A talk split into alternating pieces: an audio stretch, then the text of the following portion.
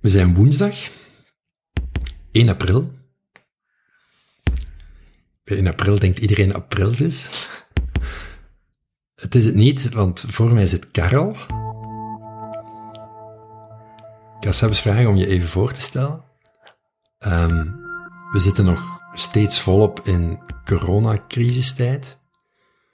We blijven veilig.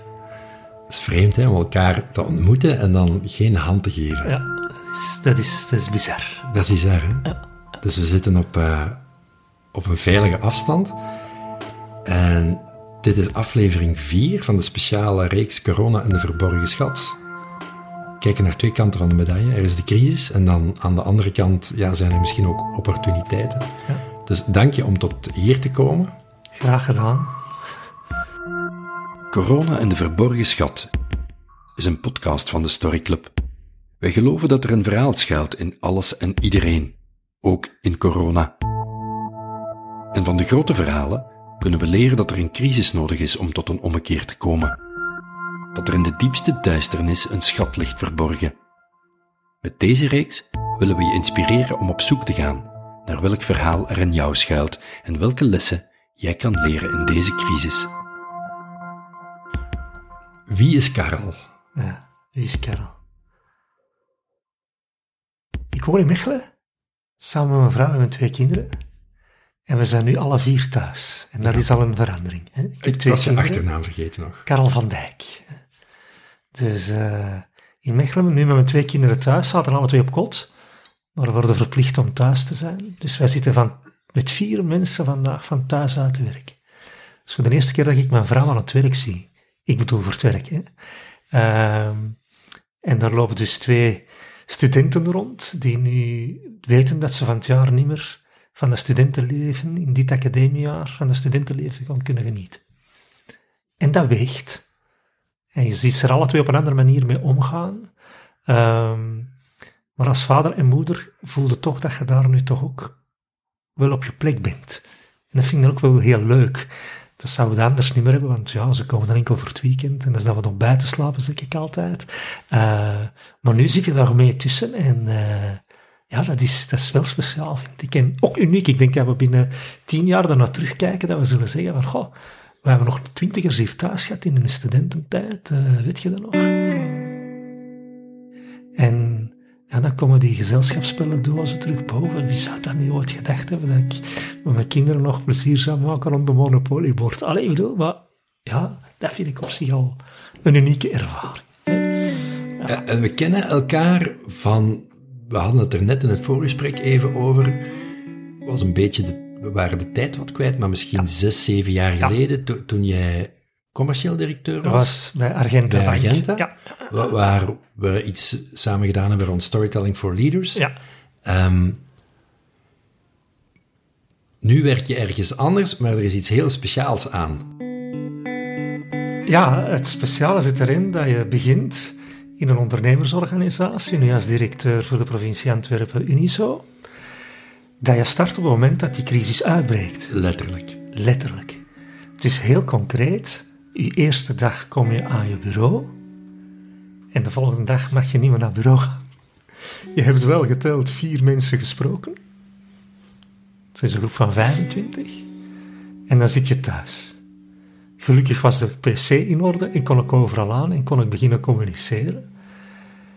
Maar dat is...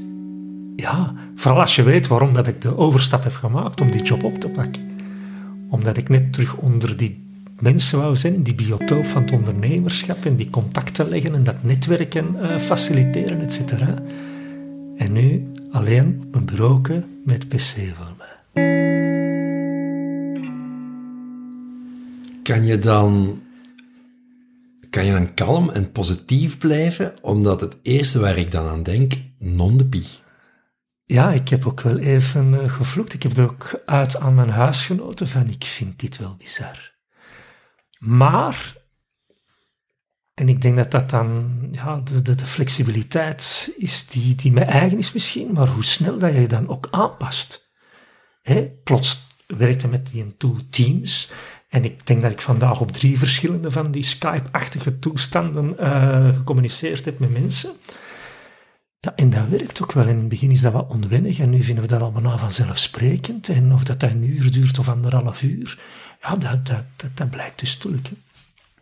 Ik had zo het idee, uh, Karel, om in dit gesprek, een beetje anders dan de andere gesprekken, uh, wel eens te polsen naar, naar jouw persoonlijke ervaringen van het verleden en, en vandaag uiteraard, ja. uh, in jouw nieuwe rol, aan de hand van zeven storytelling of leaderships, leadership tips. Ja. Zeker in crisis. En ik had er zeven opgelijst waar ik dacht van, in een crisis is het uiterst belangrijk om in verbinding te blijven. Mm -hmm. um, en communicatie en, en verhalen en storytelling kan daarvoor werkbaar zijn. Uh, is het goed dat ik even een, die zeven punten overloop en dan is pols van wat is jouw ervaring daarbij? Kan je zowel kijken naar je huidige plek van ja. je job vandaag of in het verleden? Ja, ja, ja is goed. Oké. Okay. Eerste punt. Geef mensen geruststelling. Wat wil ik daarmee zeggen? Hoe kan je ook het positieve aanhalen? Hoe kun je mensen blijven versterken mm -hmm. naar een toekomstbeeld? Je start dan, dag 1, en kan je dan makkelijk aanpassen in een totaal gewijzigde situatie en denken alles komt goed? Ja, maar nu was dat toch wel even angst ook, hè, van gaat dit inderdaad wel lukken, hè, als je letterlijk op zo'n afstand van elkaar zit. Maar ik denk dat we het geluk hebben, of dat we de juiste beslissing hebben genomen om vanaf dag 1 heel de agenda in te plannen voor conference calls, ieder individueel. En omdat ik de boodschap wilde geven van, we gaan dat doen wat we gepland hadden. Dat was ook op voorhand afgesproken van, ik kom die dag start ik en dan ga ik de eerste twee weken met iedereen individueel sowieso gesprek hebben. En we hebben dat, die afspraken stonden ingepland, we hebben die gewoon kunnen houden en die gesprekken lopen nu via Skype. En dat werkt wel.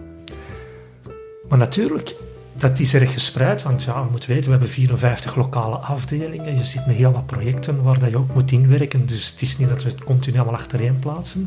Maar dat betekent wel dat ik de laatste van mijn team uh, deze week vrijdag uh, zal gesproken hebben. Dus wat heb ik gedaan? Ik heb na twee dagen een filmpje opgenomen. Dat heb ik eigenlijk ook nog nooit gedaan, of toch nooit in het context van zeg maar interne communicatie.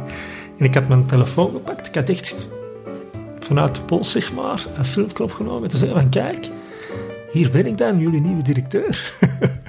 Voor degenen die we nog niet kennen of niet gezien of niet gehoord hebben. Ik wil jullie, en ik heb letterlijk het woord geruststellen, uh, alle afspraken gaan gewoon door. En we gaan elkaar wel zien en we gaan elkaar wel in, uh, in de nodige comfort uh, kunnen spreken over wie we zijn en wat we gaan doen. Heb je daar reactie op gehad? Ontzettend. Ontzettend, ja. En ik, was, ik twijfelde nog, zou ik het zo doen? Want dat komt misschien ook raar over, maar is dat misschien ook niet gewoon? Hoe gaan we erop reageren? Ik had het eerst aan mijn huisgenoten, ik had nu toch op publiek van drie mensen dat laten zien. En die waren eigenlijk, ja, je moet dat gewoon doen, papa, dat is keigoed, jawel. En ik heb dat verstuurd en ja, een heel positieve reactie. Wat voor soort reacties kwamen daarop? Ja, tof, keigoed. Uh, ja, nu kennen we, je hebt u laten zien eigenlijk, ja, letterlijk. Wat heb je gezegd in dat film? Uh, ja, dat dat voor mij echt niet evident was om zo te starten. Maar ik kan ook begrijpen dat het voor niet evident is om ja, nu zo een directeur te hebben die er eigenlijk niet is. Uh, maar dat wou ik nu net weghalen, want ik ben er wel. En dat, die boodschap is ook wel aangekomen. En wat je net zei, geruststellen, ja, moet mensen durven geruststellen van oké, we zijn er nog wel en met de huidige communicatiemiddelen is ook alles wel nodig.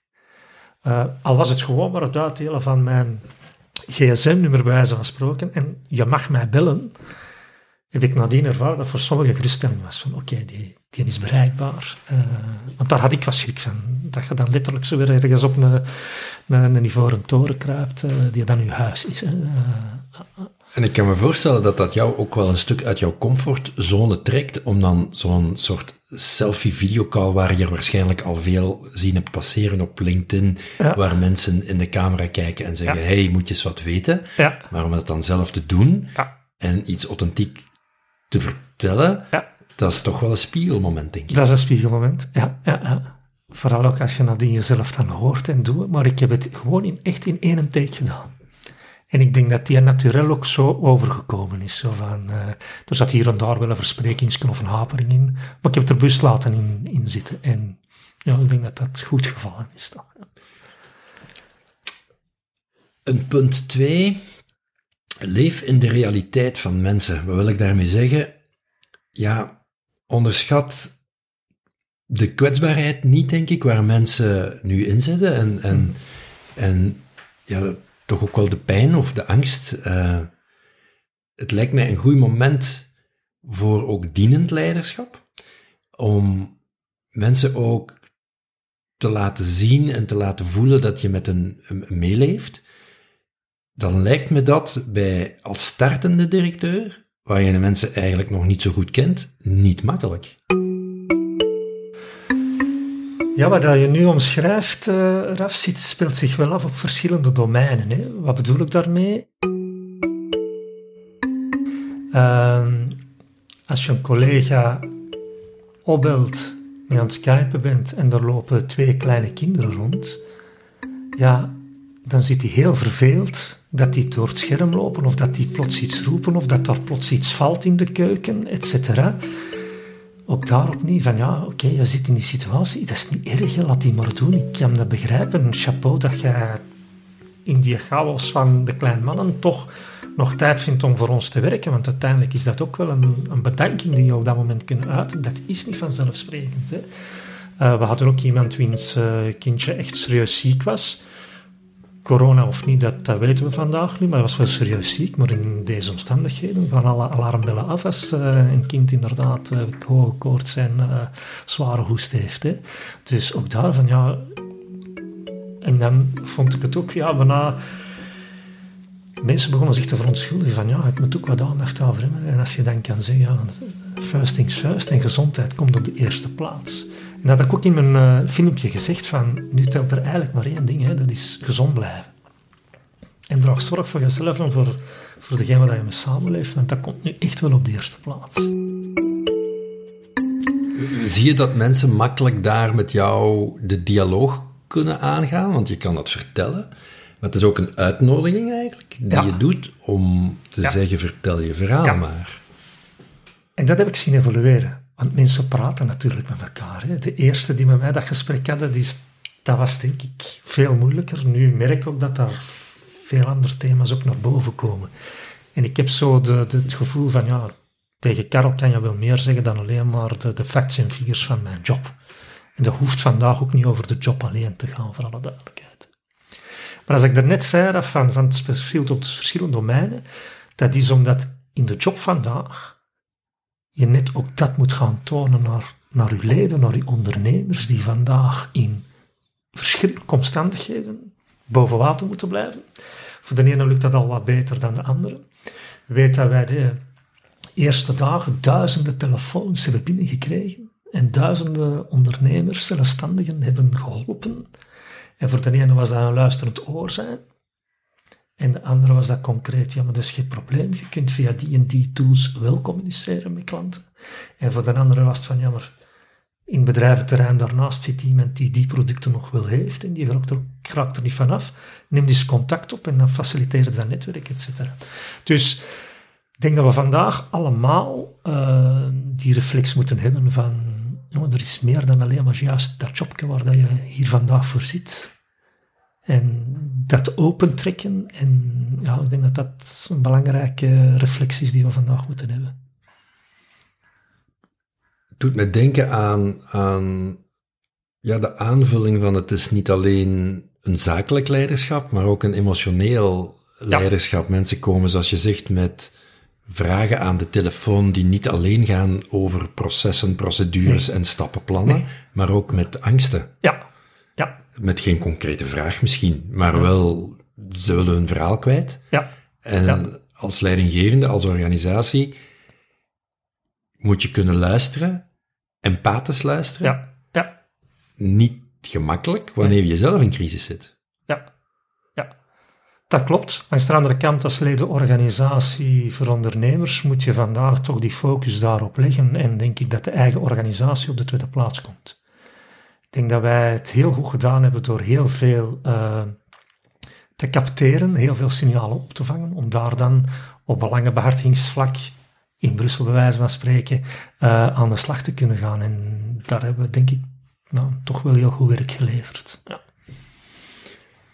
Ik schakel even naar punt 3. Het is misschien een dooddoener, dooddoener als ik zeg communicatie, maar ik had dan geschreven communiceer, communiceer en communiceer. En ik had er een quote bij, het is zo'n auteur die ik volg, John Chambers, voormalig CEO, um, ehm, een, een leidinggevende die, die ik volg op uh, sociale media. John Chambers, voormalig CEO van Cisco. En die zegt, in tijden van een crisis is het de taak van leiderschap om transparant en zichtbaar te zijn. Mm -hmm. Dat filmpje was daar een goede stap. Dan heb ik dat goed gedaan, denk om ik. Om zichtbaar te zijn.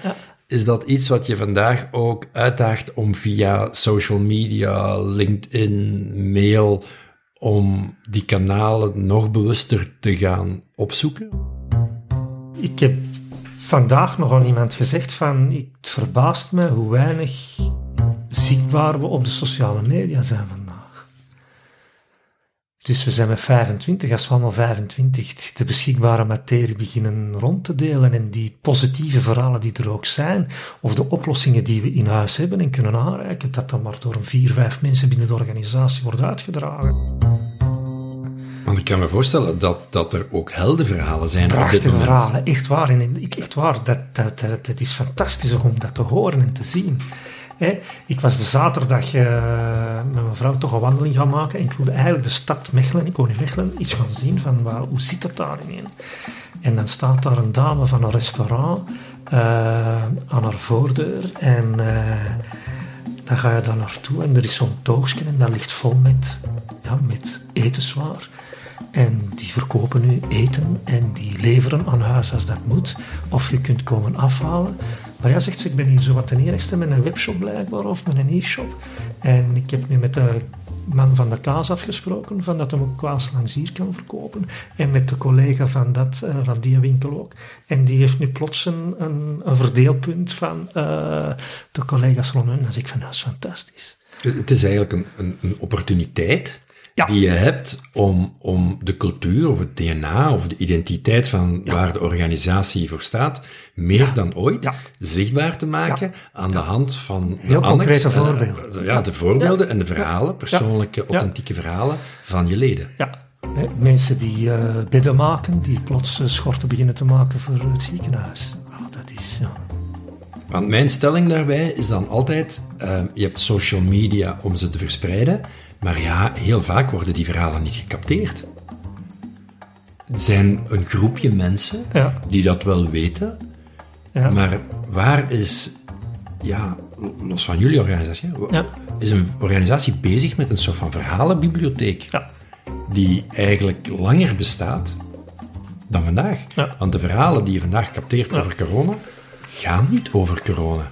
Daar ben, daar ben ik het mee eens. En dat is altijd zo een vraag. Als ik uh, in mijn vorige job in kantoren kwam, dan vroeg ik altijd ook wel eens van... En wanneer heeft een klant uh, nog eens een keer een compliment gegeven?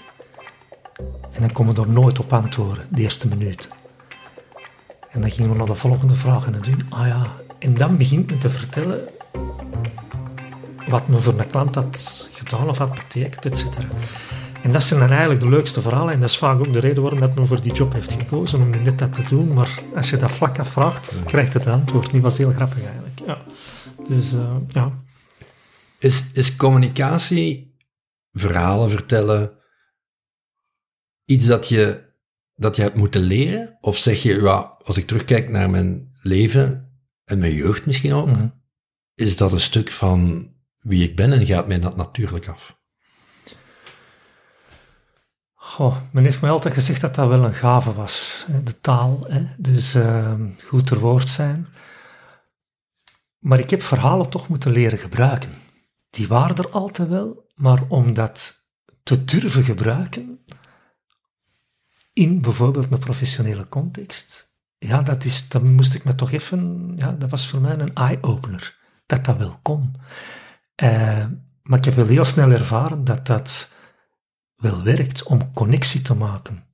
Ehm, zeker ook als je voor een, uh, ja, voor een publiek, een ruim publiek moet, moet gaan spreken. Als je kan binnenstappen en je kan vertellen wat je hebt meegemaakt, relevant of niet rond het thema van de avond, speelt niet zegen een rol. Maar het zegt wel iets. En ik mag dan altijd, uh, als ik een voorbeeld mag geven, zo moest ik uh, ooit gaan spreken voor een beleggingsavond. Uh, duizend man in Brugge, in Con, wat noemt dat daar, cultuur, nee, gebouw daar op het zand. Ehm, concertgebouw in Brugge, daar is het. En ik vertelde dat s ochtends aan de ontbijttafel. Ik moet vanavond gaan praten voor duizend man in het concertgebouw in, Brus, in Brugge. Uh, dat vind ik wel een eer, want. En nu ontglipt mij de naam eraf. Van de zanger die er net twee weken ervoor had opgetreden. Uh, Randy Newman was het. Randy Newman. Ik dacht van, als ik Randy Newman had gaan staan, ik mag dan dag nadien er komen staan. Maar mijn kinderen wisten niet wie Randy Newman was. Dus dat was, dat was totaal. Hè. En dat verhaaltje heb ik de avond mee begonnen. En heel de zaal die schoot in de lach was blijkbaar heel herkenbaar. Hè. En, uh, en dat plots, plots voelde dat, dat, dat zit goed, die temperatuur zit goed en je kan dan verder met, met de boodschap. Ja, dat is mooi dat, ja. dat, dat, je, dat je die anekdote vertelt. Dat sluit aan bij, bij wat we daarnet zeiden. Als je zo'n verhalen, dat zijn eigenlijk simpele anekdotes. Ja, inderdaad. Hè. Ja, ja, Als je die vandaag vertelt, verhalen bevatten waarden, hè? Of geven een zicht op wie je bent als, als mens. Geven een stuk inzage in, ja, kan ik die man of vrouw, voel ik die aan? Kan ik die vertrouwen? Ja, dat klopt. Oké, fijn. Punt 4. Um, voelt een beetje schools om die punten te doen, maar, uh, maar het brengt wel mooie inhoud. Verzacht de angst en verklein het risico. Wat wil ik daarmee zeggen? Um, ja, fear is, is a mind killer, zeg ik altijd. Um, we zijn vaak in crisis geneigd om terug te plooien op een paar menselijke, ja, wat in onze genen zit. Hè. Dat is uh, vechten, vluchten of bevriezen. Mm -hmm. Dat is vaak wat angst doet. Uh, paniek ontstaat, irrationele bewegingen komen. Um, en ik geloof dan dat het belangrijk is om vast te houden ook aan dat wat er wel is en wat ons verbindt. Mm -hmm. uh, hoe, hoe houd jij in deze tijd je vastberadenheid zo om, om koers te houden of om te blijven focussen op dat wat mensen ook verbindt, voorbij de angst? Ja, elk nadeel heeft zijn voordeel. Hè? Um, ik zeg ook vaak tegen mensen van, zoek je eigen comfortzone maar op, hè, er is niks ergs mee.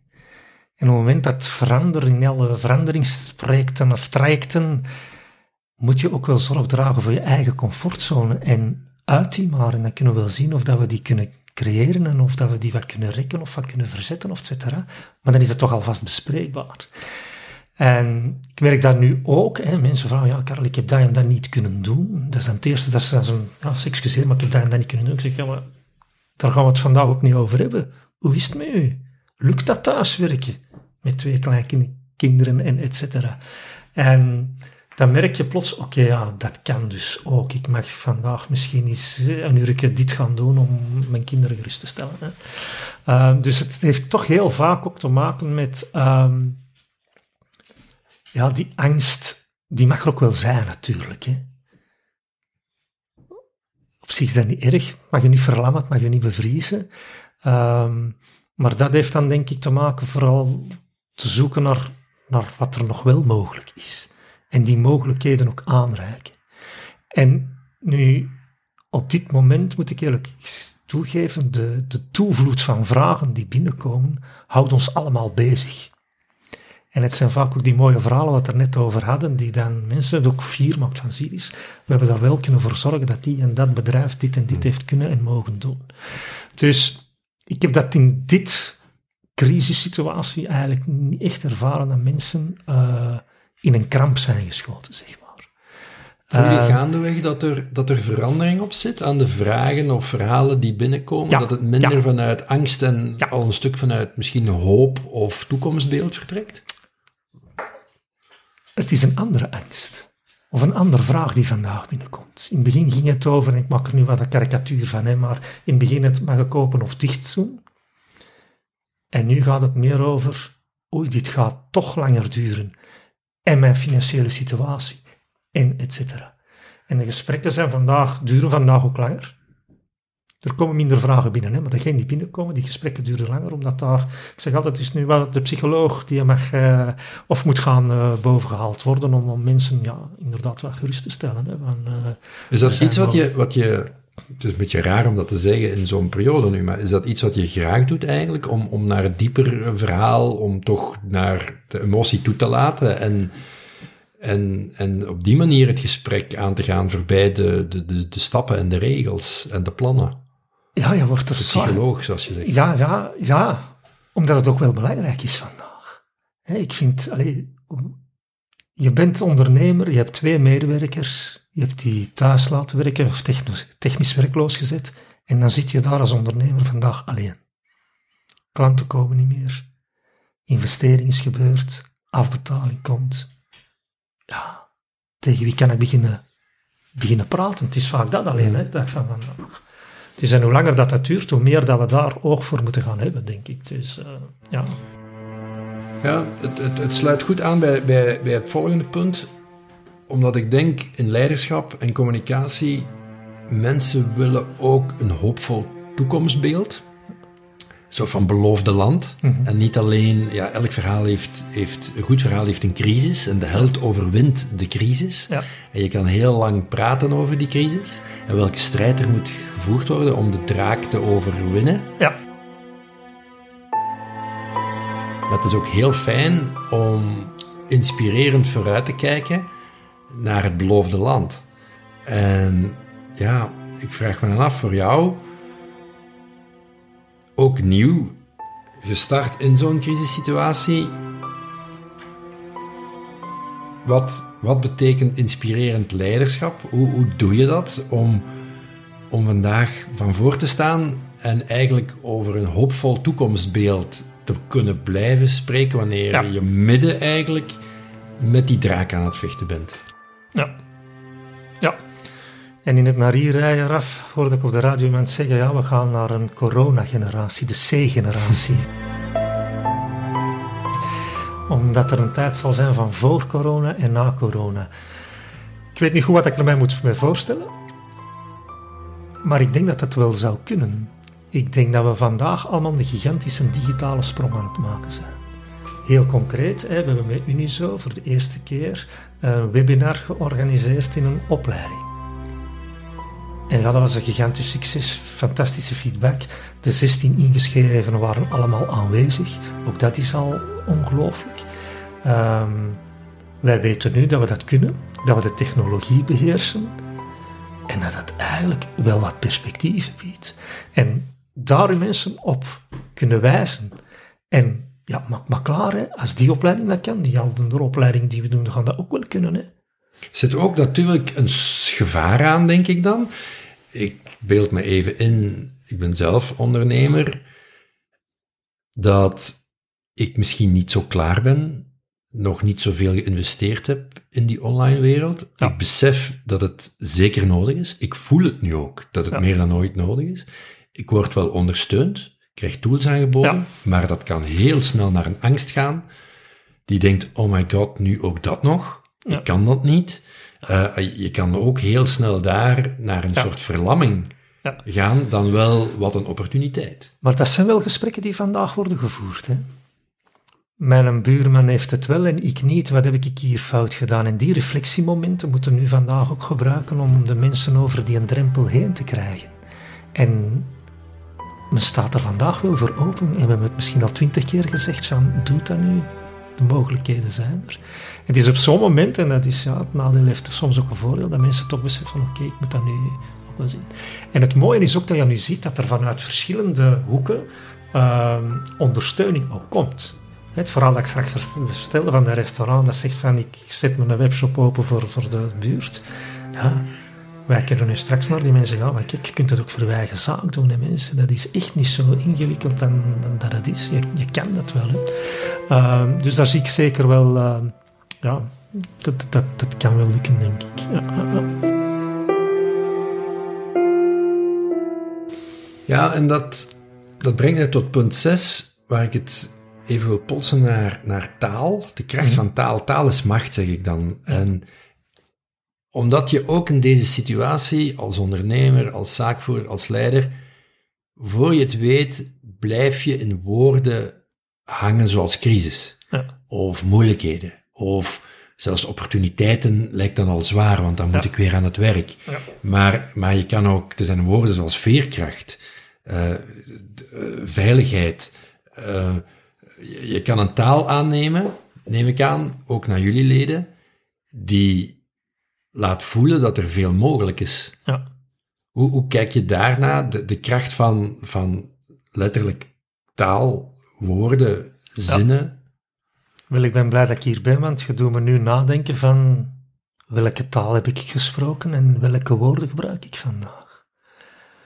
Ik heb daar eerlijk gezegd zelf nog niet bij stilgestaan, Nee, maar het ja. is wel de moeite om daar eens even bij stil te staan, denk ik. Ja, kijk Eh, naar COVID. eh, eh, Covid heb ik nog nooit gebruikt. Ja. Dat Zeg zegt maar, mij- er zit een nee, energie nee. op, hè? Er zit een bepaalde energie op. Coronacrisis. Of covo- COVID-19, Ja. dat, dat heb ik zelf nog nooit uitgesproken, denk ik. Ehm, Nu hoort mij niet zeggen dat ik die woorden onder de mat wil vegen. nee, nee, nee. Maar voordat je het weet, gebruiken we met z'n allen de woorden, een hoopje crisiswoorden, Ja. die ik niet wil wegduwen. Wat ik, wat ik wel bewust niet gebruik, is het woord oorlogmodus of, of die dingen. Dat, dat vond ik echt... Ja, dat, dat is... Now or never. Ja, dat, nee, dat, dat, dat woord oorlog, dat heb ik bewust gezegd van... Dit, dit kan je niet gebruiken in deze omstandigheden. Wat ik mij wel van bewust ben, is om meer dankjewel te zeggen. En ik denk dat ook de inspiratie is van wat we van om acht uur s'avonds buiten staan en is een ha- handen geklap, et cetera, die bedanking. Eh, ik merk dat ik dat meer doe. Eh, net een project ergens gaan voorstellen eh, wat goedgekeurd geweest is. Maar ja, er is een paar flessen wijn onderweg naar de drie mensen die daar de voorbije dagen en nachten keihard aan gewerkt hebben. Ik denk niet dat ik dat anders zo snel zou gedaan hebben.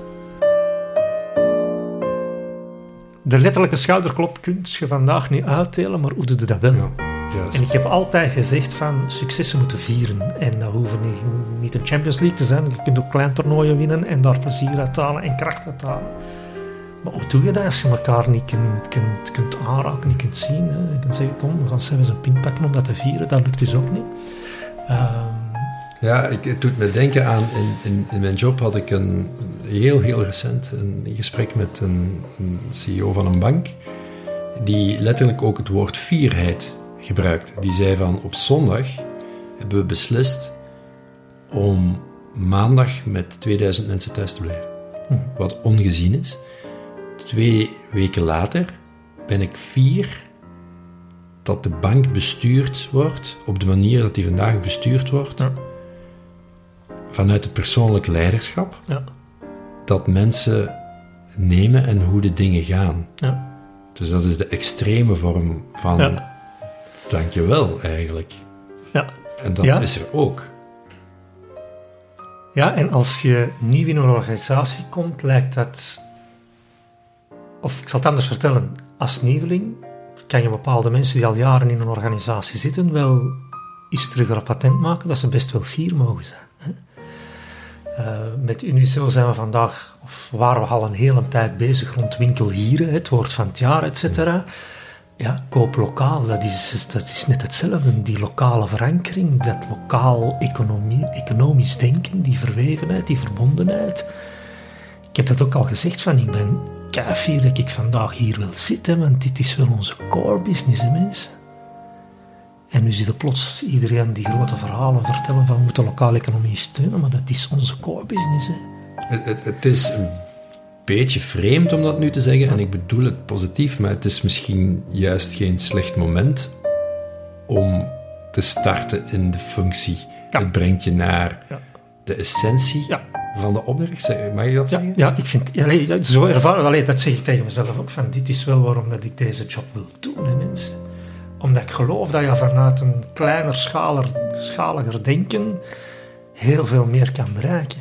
En dat gaat niet over kneuterigheid of kerktorenmentaliteit. Eh, Dat gaat daar niet om, maar dat gaat over van ja, wat is nog beheersbaar in de maatschappij voor ons. En ja, dat kan je lokaal prachtig invullen.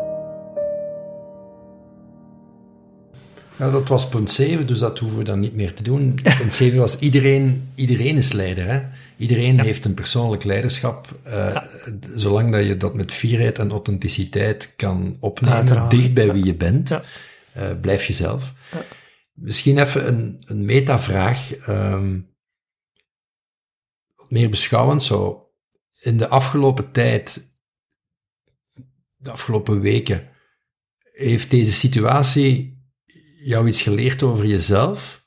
Dat je denkt, of iets extra zichtbaar gemaakt, dat je denkt, ja, dat ben ik wel. Ben ik ook altijd geweest als mens. En in deze situatie kan ik dat extra voelen, dat dat eh, misschien een... Je hebt zowel de positieve zijde als, als, als de negatieve zijde van. Eh, Heeft dat iets extra zichtbaar gemaakt? De rust, denk ik. Ik heb al feedback gekregen dat ik een zekere rust uitstraal en dat dat de mensen geruststelt. En ja, dat is ook prettig om te horen. En ik denk dat, eh, wat jij daar straks noemt, je kunt in een kram schieten, bevriezen, of je kunt beginnen broelen tegen alles wat passeert.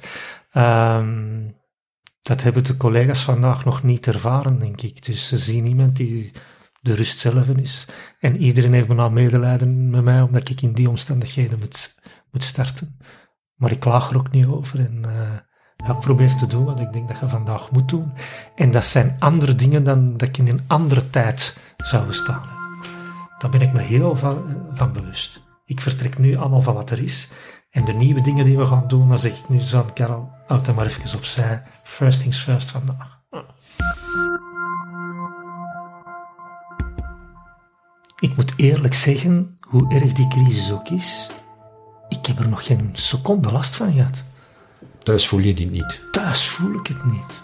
Hoe onprettig het is hè, dat je niet buiten kan. En ik, ik ben iemand die net energie van buiten haalt. Ehm, maar ik vind het wel leuk zo. En we spreken nu af om half één. Dan blokken eraf en gaan we samen ons middageten eten. En ik heb het een keer moeten missen omdat er het een en het ander was uitgelopen. En om drie uur dacht ik van potverdikke, dat is niet correct. En nu beginnen we elkaar er ook op aan te spreken. En om half één zitten we allemaal samen beneden rond tafel. En ik geniet er ontzettend van. Dat is, ja, ja ik vind dat wel leuk. Ja. Heel leuk om te horen, omdat ik zeg ook al, ik zeg graag, het is ook in crisis dat een leider in volle chaos eigenlijk rustig en kalm kan blijven. Dat Ja. zendt een soort energie uit Ja. naar anderen, die ook wordt opgepikt. Ja, en, en jouw ik. thuisvoorbeeld, ik denk dat dat, dat is niet toevallig. Nee. Dat, eh, dat, dat, dat zijn zo'n rimpeleffect. Ja. Een steen die je in het water gooit, een rustige steen dan, die uitrimpelt en uitdijnt en comfort kan bieden, denk ik, eh, vanuit een soort rustige, hoe zei Van Rompuy dat? Rustige De vastheid. rustige vastheid of zoiets. Of de rustige vastheid. Ja. Dank je voor het gesprek. Dank je wel, Raf. Dank je om tot hier te komen. Voilà.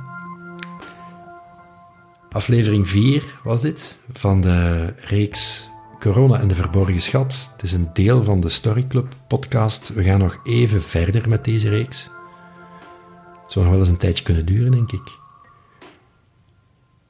Er is sprake nu van na de paasvakantie. Wat denk je dat het dan voorbij is? Nee, dat denk ik niet. Ik weet het ook niet, hè. Nee, we duidelijkheid, niet, maar voor zover dat ik kan inschatten, denk ik De kans is groot dat we tot begin mei gaan. Ja, en dan nog. En dan nog. Men gaat niet alles meteen terug openstellen, hè, want dan loopt iedereen terug naar buiten, krijgen we terug gigantische concentraties en we terug naar af, denk ik. Dus ik denk dat we een geleidelijke Ja. unlocking zullen krijgen. En wanneer die start, ik weet het niet. Nee. En zolang dat loopt, blijft deze speciale reeks verder gaan. Binnen de Story Club podcast staat op Spotify. kan het vinden bij iTunes of in je favoriete podcast-app. Je kan mij vinden op rafstevens.be. Wil je mij contacteren? Zeer graag. info.rafstevens.be voor nu. Dank voor het luisteren. En tot een volgende keer.